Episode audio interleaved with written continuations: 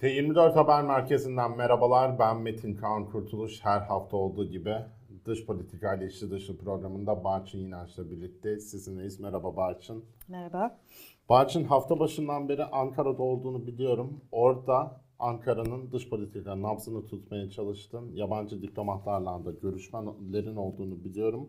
Tabi ana gündem şu anda Türk dış politikasının ve dünyanın da Türkiye ile ilgili merak ettiği şey Suriye'nin kuzeyine yapılacak harekat.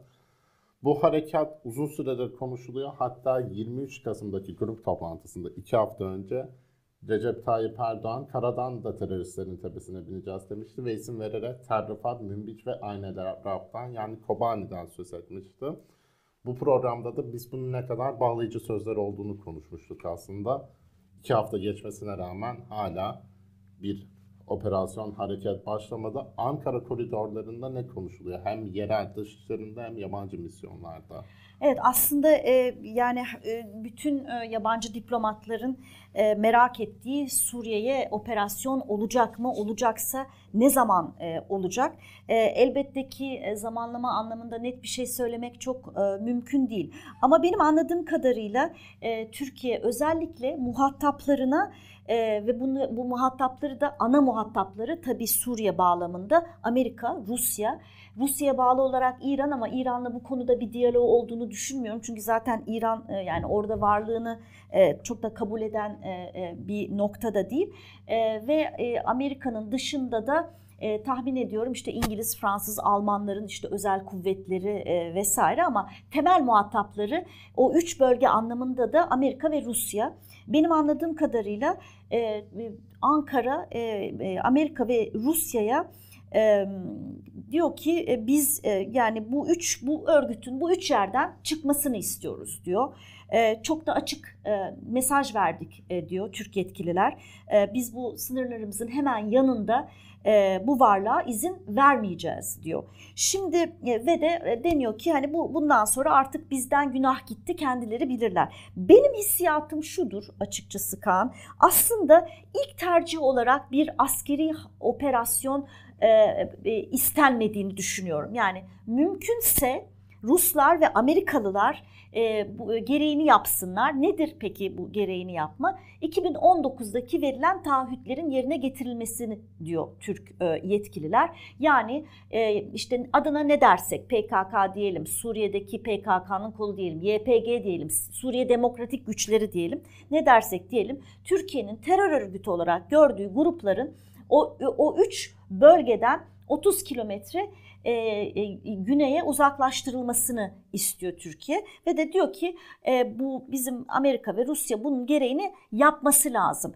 Eğer yapmayacaksanız o zaman biz yapacağız diyor. Yani anladığım kadarıyla e, Ankara'da bir hani e, hani artık buramıza kadar geldi. E, biz yıllardır, aylardır size diyoruz ki e, gereğini yapın, yapmazsanız biz yapacağız diyoruz. Ama çok da uzun bir süredir sabrettik. Hani sabrımızın sınırına geldi. Ee, eğer hani e, yapmazsanız e, biz yapacağız, biz geleceğiz diyor. Ama burada bence e, geçmişten farklı olarak kritik mesaj nedir?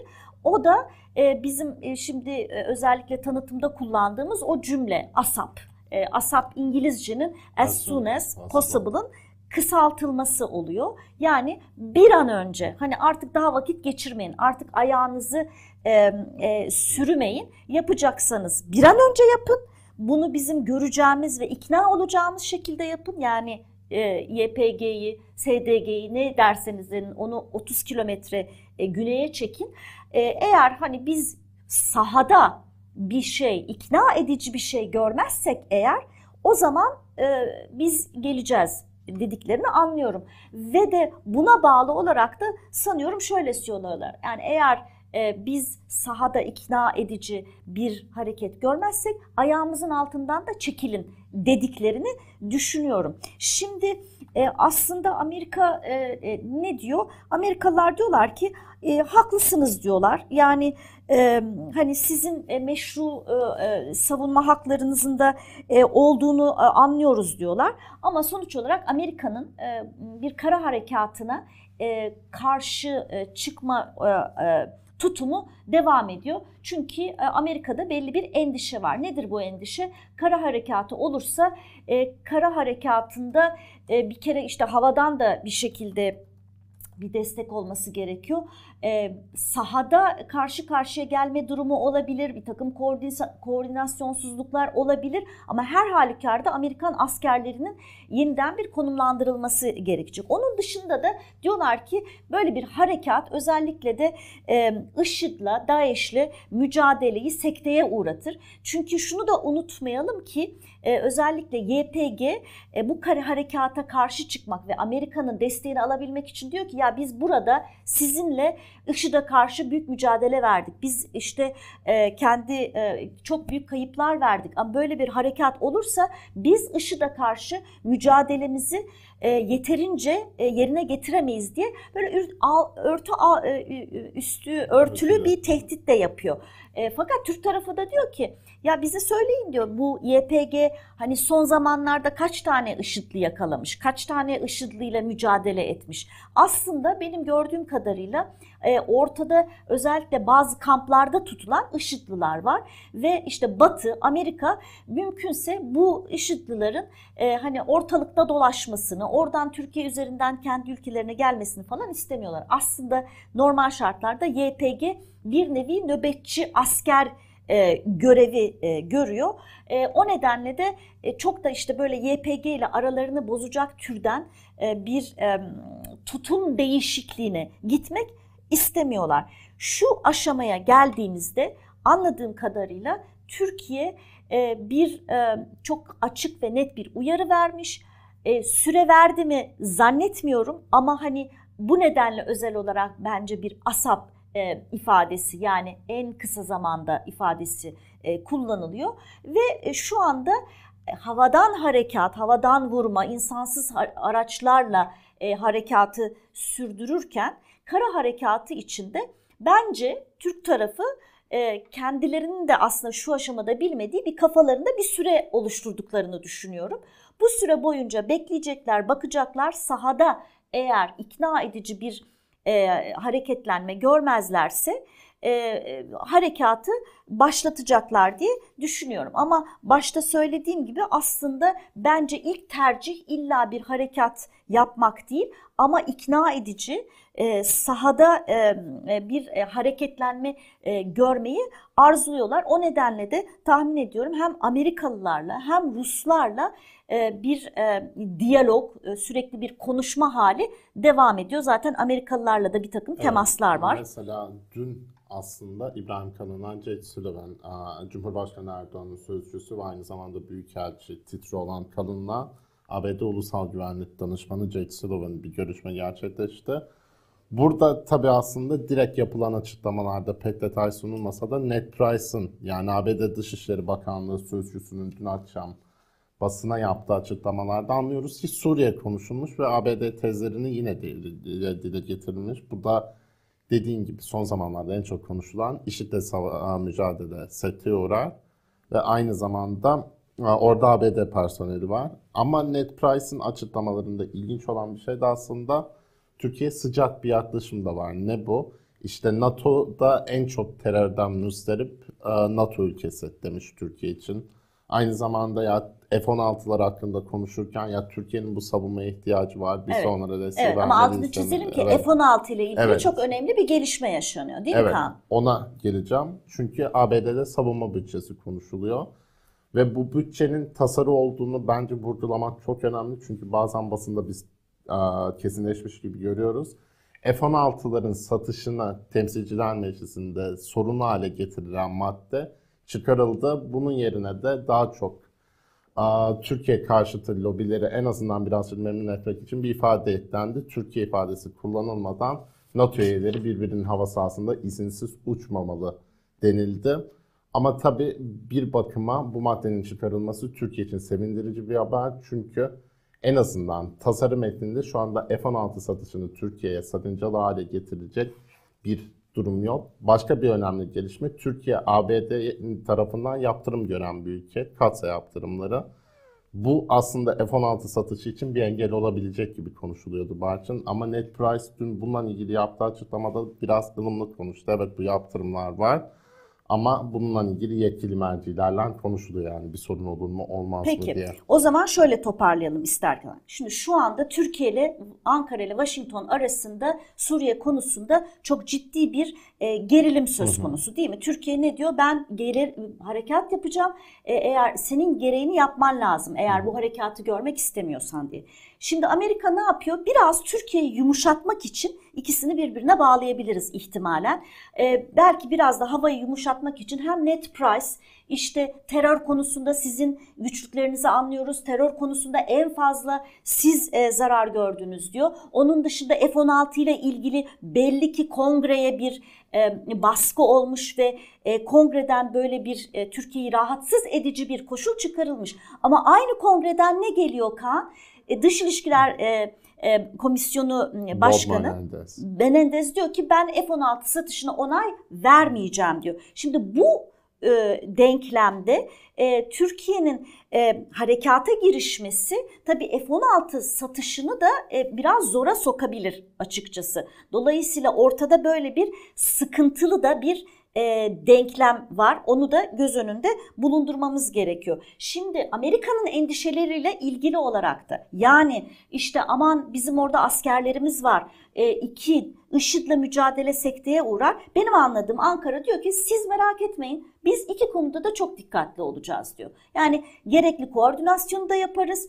Amerikalı'nın yani askeri varlığında e, herhangi bir kazaya neden vermeyiz ama onun dışında IŞİD'le mücadele konusunda da sizin endişelerinizi e, giderecek şekilde bir tavır alırız diyorlar.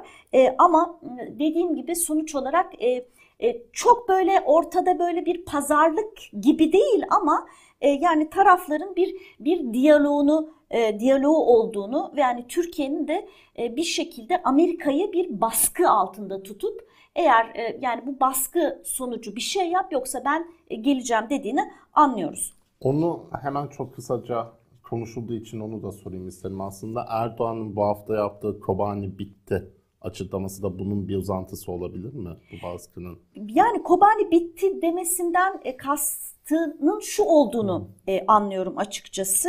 E, Türkiye'nin e, e, özellikle e, YPG'nin yani YPG'nin oradaki varlığıyla ilgili e, iki endişesi var. Bir endişesini oradan yön, Türkiye'ye yönelik terör saldırıları. Ama ikinci ve çok daha önemli bir endişesi var. O da e, YPG'nin arkasına işte Amerika'yı da alarak orada ayrı bir Suriye antitesi, ayrı bir özel yapılanma oluşturması e, gibi bir gelişmeden Türkiye endişe duyuyor. Bunun simgesel e, noktalarından biri de Kobani'dir. Ve e, son günlerde yaptığı harekatlara, aldığı önlemlere işte e, baktığımızda örneğin YPG'nin kontrolü altındaki petrol tesislerinin bombalanması vesaire Türkiye'nin bu bölgeye dönük iki amacının olduğu bir tanesi terör saldırılarının engellenmesi, ikincisi ise bu özerk yapının biraz sekteye uğratılması, özerklik yapısına doğru giden bu gelişmenin e, durdurulması. Ben Erdoğan'ın bu ifadesinden işte bu özerk yapılanma sürecinin durdurulmasını anlıyorum. Yoksa hani Kobani temizlendi, bitti artık harekat yapmayacağız gibi bir yoruma gitmemek gerekir diye düşünüyorum.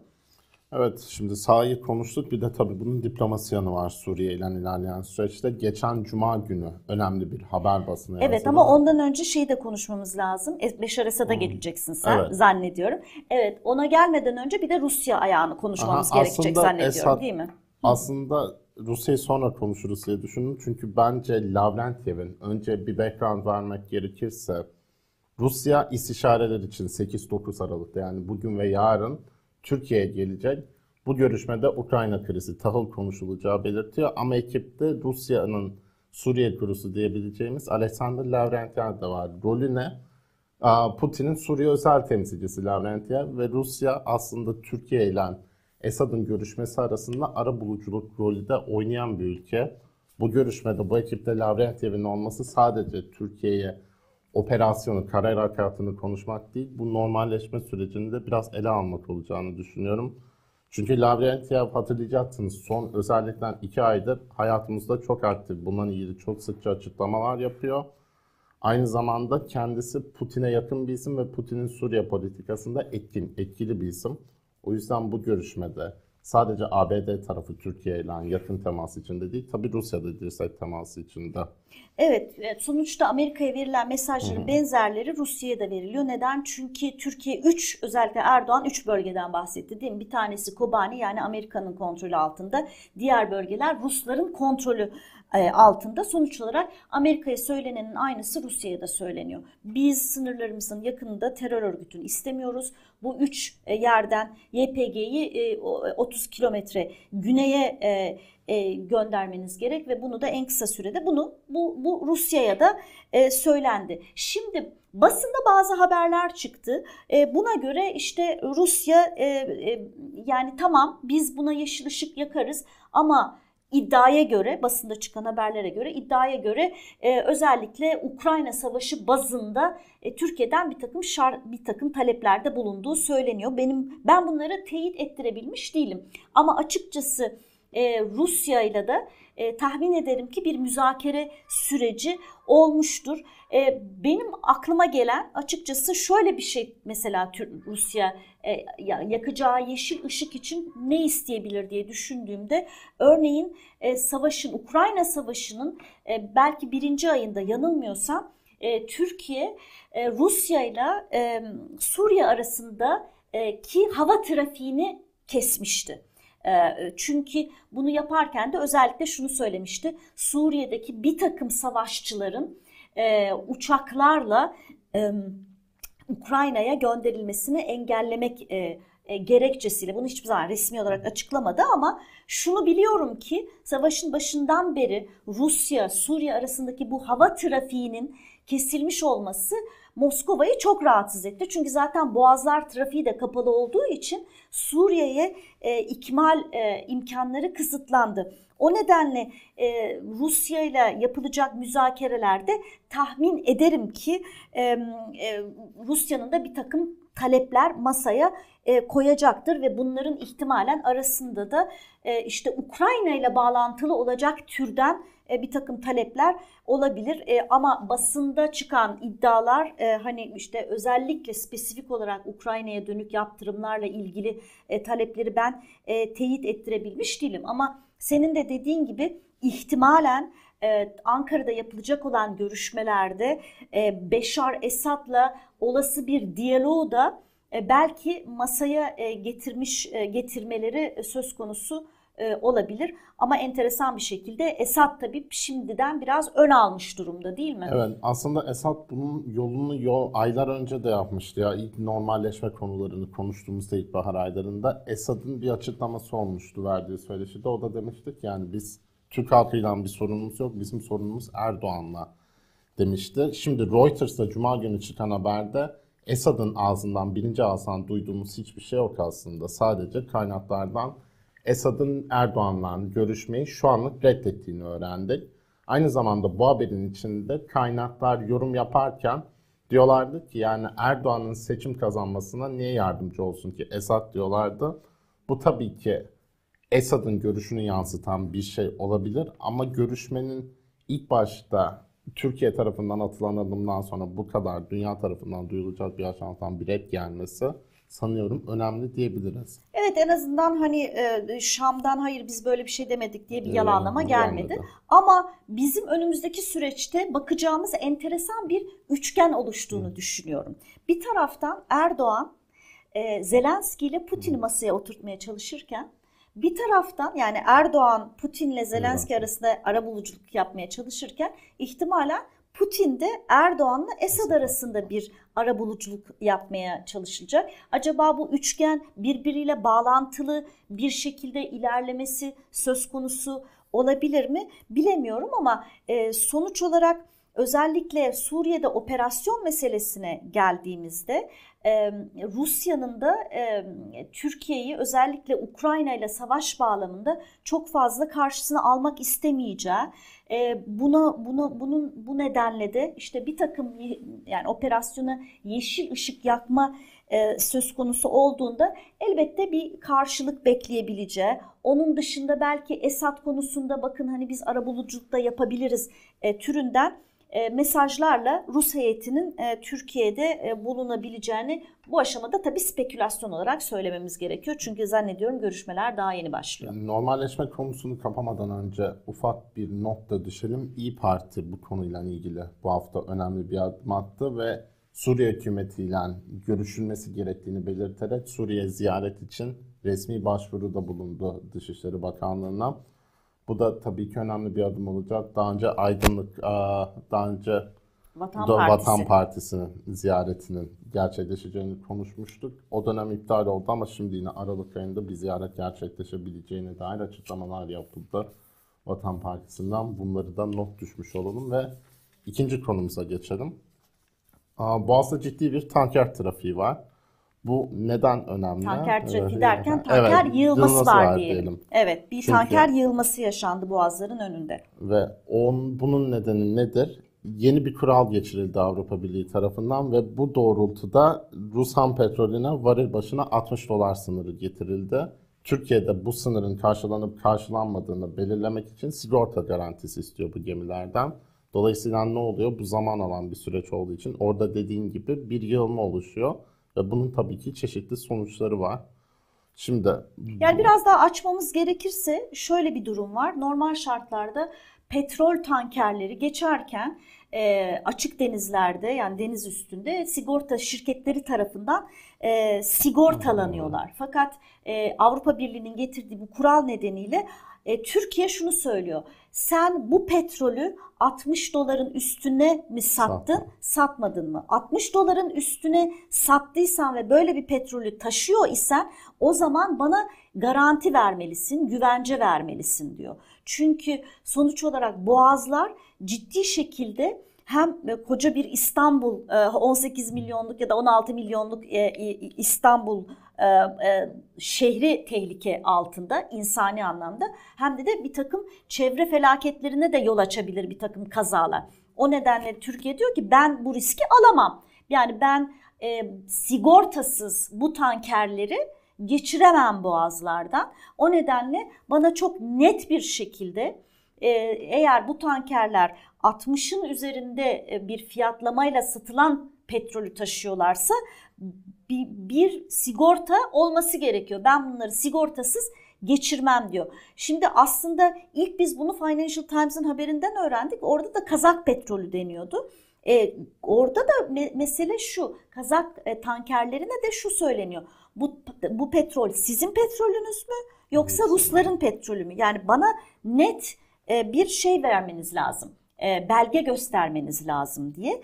E, şimdi anladığım kadarıyla tabii özellikle sigorta şirketlerinin çok büyük bir bölümü İngiltere, İngiltere bazlı olduğu için hani hem Amerikalılar, İngilizler hem de Türkler arasında bir takım müzakereler yapılıyor ve anladığım kadarıyla İngilizler ve Amerikalılar da diyorlar ki ya işte merak etmeyin biz bununla ilgili bir istisna getiririz. Yani eğer bu tankerler ola ki boğazlarda bir kaza yaptılar, e, bir, bir şey oldu e, merak etmeyin o ona biz istisna getiririz diyorlar. Fakat Türkiye'de diyor ki yani ne demek bu merak etmeyin bana böyle sözlü söylemenizin bir şeyi yok. Bana yazılı garanti istiyorum. Hani ondan sonra biz bunu böyle dava olacak bilmem ne süreç uzayacak. E, hani bu nedenle benim gördüğüm kadarıyla Türkiye kendini sağlama almaya e, çalışıyor. Ama e, yine anladığım kadarıyla e, ihtimalen bu krizin çok uzun sürmeyeceğini hissediyorum. Çünkü hem taraflar çözme arzusundalar. Ha, nasıl çözülecek? Çok büyük ihtimalle batılı şirketlerin dışında kalan bir takım sigorta şirketlerinin devreye gireceğini e, anlıyorum. E, ama her halükarda benim gördüğüm kadarıyla her ne kadar bu konuda çok e, e, uzman olmasam da hani Türkiye'nin e, durduğu noktanın haklı olduğunu e, düşünüyorum. Yani özellikle hem e, Türkiye'de İstanbul'da yaşayan insanlar olarak hem de bir çevre felaketine olası bir çevre felaketine karşı önlem alınması benim anladığım kadarıyla Türkiye'nin muhatapları da Türkiye'nin bu endişelerinin haklı olduğunu e, anlamış ve görmüş durumdalar ve dolayısıyla hızlı bir çözüm bulmaya çalışıyorlar. Evet, bunun çözüm trafiğinin aktif olarak işlediğine dair de haberler vardı bugün medyada. Ve gözden kaçmasın diyelim bu hafta Türkiye'de ilginç şeyler olurken dünyada da birçok ilginç gelişmeye tanık olduk. Bunlardan biri Almanya'da yaşandı. Dün Alman savcılar bir planı ortaya çıkardı ve öğrendik ki Almanya'da aşırı sağcı bir grup darbe planı yapıyormuş. Bu hükümeti devirme planının içinde Atif asker de var, bir tane polis memuru da var, eski özel harekat mensupları da var. Ve daha da ilginci eski Alman kraliyet ailesinden gelen bir prens olduğu iddia edilen bir kişi de var. Amaç yapılan plan parlamentoyu bu aşırı sağcı gruplar basacak, parlamentonun içindeki milletvekilleri tutuklanacak, başbakan Olaf Scholz idam edilecek, onun yerine prens devlet başkanı olarak atılacak ve aşırı sağcı bir parlamento kurulacak. Bu plan savcılar tarafından ve istihbarat tarafından ortaya çıkarıldıktan sonra 25 tutuklama yapıldı Almanya'da. Bu kişilerin terör örgütü mensubiyetiyle yargılanacağı konuşuluyor. Bununla ilgili de iktidara yakın medyada ilginç bir başlık vardı bugün. Açam gazetesinin manşeti ekranınıza gelecek şimdi. Onlar da bu haberi değerlendirirken yani Almanya kendi darbecisine bunu yaparken FETÖ mensuplarını iade etmiyor ABD'ye gibi bir yorumda bulunmuş. Ee, ben e, bu haberi dün BBC'de e, böyle son dakika haberi olarak gördüğümde hı hı. işte yanımda bazı e, işte akademisyenler vardı. Onlara söylediğimde yani önce ben de okuduğumda bir şaşırdım ve inanamadım. Sonra onlara söylediğimde onlar da inanmayınca ya dedim kendimden şüpheye düştüm. Ben yanlış bir şey mi gördüm? Acaba bir Nisan şakası mı? Hani bir BBC hacklenmiş olabilir mi diye gerçekten hani nasıl bir dünyada yaşıyoruz? Almanya gibi bir ülkede de e, böyle bir darbe e, e, teşebbüsünde bulunmasının gerçek olması hakikaten insanı dehşete düşürüyor. bu tür ileri demokrasilerde işte bu, bu Amerika'nın işte kongrenin basılmasıyla başladı. İleri demokrasilerde e, bunlar oluyorsa e, geri kalanında neler olabilir diye insanı gerçekten e, endişeye evet, düşüren düşüren bir gelişme. Salı günü bir gün önce olaydan burada Almanya'dan gelen bazı gazetecilerle konuşurken Almanya'daki aşırı sağ her zaman düşündüğünüzden daha tehlikeliydi demişlerdi. Ertesi gün böyle bir olayın yaşanması gerçekten haklıylarmış dedirtti bir anda. Başka bir daha olumlu bir başlığa geçelim. BBC en etkili 100 kadın listesini açıkladı ve bu listede Avrupa'da ilk yapay kalp nakli yapan ilk kadın cerrah Dilek Gürsoy da var. Dilek Gürsoy listede yer aldı. BBC'de de çok güzel bir söyleşisi yayınlandı bununla ilgili. Tavsiye ederim bütün izleyicilerimize okumalarını. Bir başka ilginç haber yine çarşamba günü Fas'tan İstanbul'a yapılan bir ticari uçuş. Uçuş nedeni açıklanmamış haberde ama İspanya'ya, Barcelona'ya acil iniş yapıyor. Acil iniş yaptıktan sonra tarmatta uçak beklerken 28 tane göçmen uçaktan inip kaçıyorlar. Bunlardan 14'ü yakalanıyor, 14'ü aranıyor en son ve Reuters da bu detay yoktu ama AFP'nin haberinde ikinci defa böyle bir olayın yaşandığı belirtiliyor. Bu göçmenler tabi Fas'tan Türkiye'ye geliyorlar aslında. Ve yakalanan 14 göçmen de hemen uçağa bindirilip yine ticari bir uçuştan Türkiye'ye gönderilmiş. Yani doğru evet. anlıyorum değil mi? İki seferinde de e, yani yalandan bir e, e, şey yapıyorlar. Acil iniş e, olması için e, yalandan bir e, sanki bir e, e, acil tıbbi evet. durum varmış gibi bir numara yapıyorlar. Çok detayını anlamadığım için spekülasyon yapmak istemiyorum. Öyle, öyle olduğunu anlıyorum. Evet. Yani, Çünkü bunda da hamile... bir hamile kadın doğum yapacağını söylüyor. Evet, evet. Hastaneye götürmek durumunda kalıyorlar. Evet. Evet, çok yakınlarda da biliyorsunuz Türkiye ile e, e, bazı e, Avrupa ülkeleri arasında transit vize meselesi e, sıkıntı olmuştu. E, İspanya'da Türkiye vatandaşlarından transit geçseler bile e, vize talebinde e, bulunan ülkeler arasındaydı. E, onu da bir not edip hatırlatmak gerekiyor sanıyorum. Evet. İran'da protestolar da devam ediyor bildiğiniz gibi. İran'da önemli bir gelişme de geçen hafta konuşuldu. İran'ın başsavcısı ahlak polisi lağvedildi diye bir açıklama yaptı.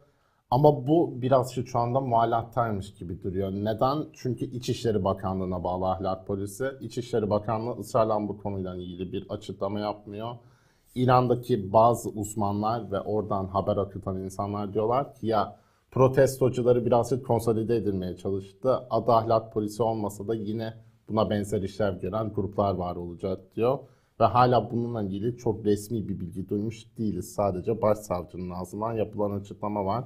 Tabii ki resmi bir yaz ama İran çok düzgün işleyen bir sisteme sahip olmadığı için mevcut olarak bununla ilgili birçok kişi Batı medyasından da, yerel medyadan da şüpheyle yaklaşıyor. Gözden kaçmasındaki, ha buyur. Ama şunu hemen eklemek istiyorum bu arada. Ee, İran'ı aslında takip etmeye devam etmemiz gerekiyor. Çünkü geçmişte yaşanan e, o e, e, halk hareketleri kısa bir süre sonra sönümlenmişti. E, şimdi çok artık üçüncü ayı neredeyse e, bulmaya başladı. E, bu çerçevede de ben de bir e, makaleye dikkat çekeyim. E, emekli diplomatlardan Şafak Göktürk'ün e, e, İran'la ilgili gerçekten çok e, e, ilgiyle okuyabileceğinizi düşündüğüm bir makalesi Diplomasi Koridoru e, adlı e, e, sitede yayınlandı. Ben ben de bu bu yazıyı gerçekten İran'ı anlamak isteyenlerin ve mevcut durumu anlamak isteyenler açısından şöyle ilginç bir veri var. Özellikle 78-79 olaylarıyla yaşanan benzerlikleri de ortaya koyduğu için ve kavramsal çerçeveyi de çok güzel çizdiği için ilgilenenlerin okumasını ben de hararetle tavsiye ederim. Evet, son gözden kaçmasın başlığımız birazcık sıcak bir güncel haber. Suudi Arabistan Maliye Bakanı Türkiye e, Merkez Bankası'na 5 milyar dolar gönderilmesi için sürecin son aşamada olduğunu söyledi. Bu Suudi normalleşmesine karşılıklı tavizleri de sık sık konuşmuştuk burada ve konuşmaya da devam edeceğiz gibi duruyor. Son olarak radarımızda ne var? Şimdi de ona bakalım.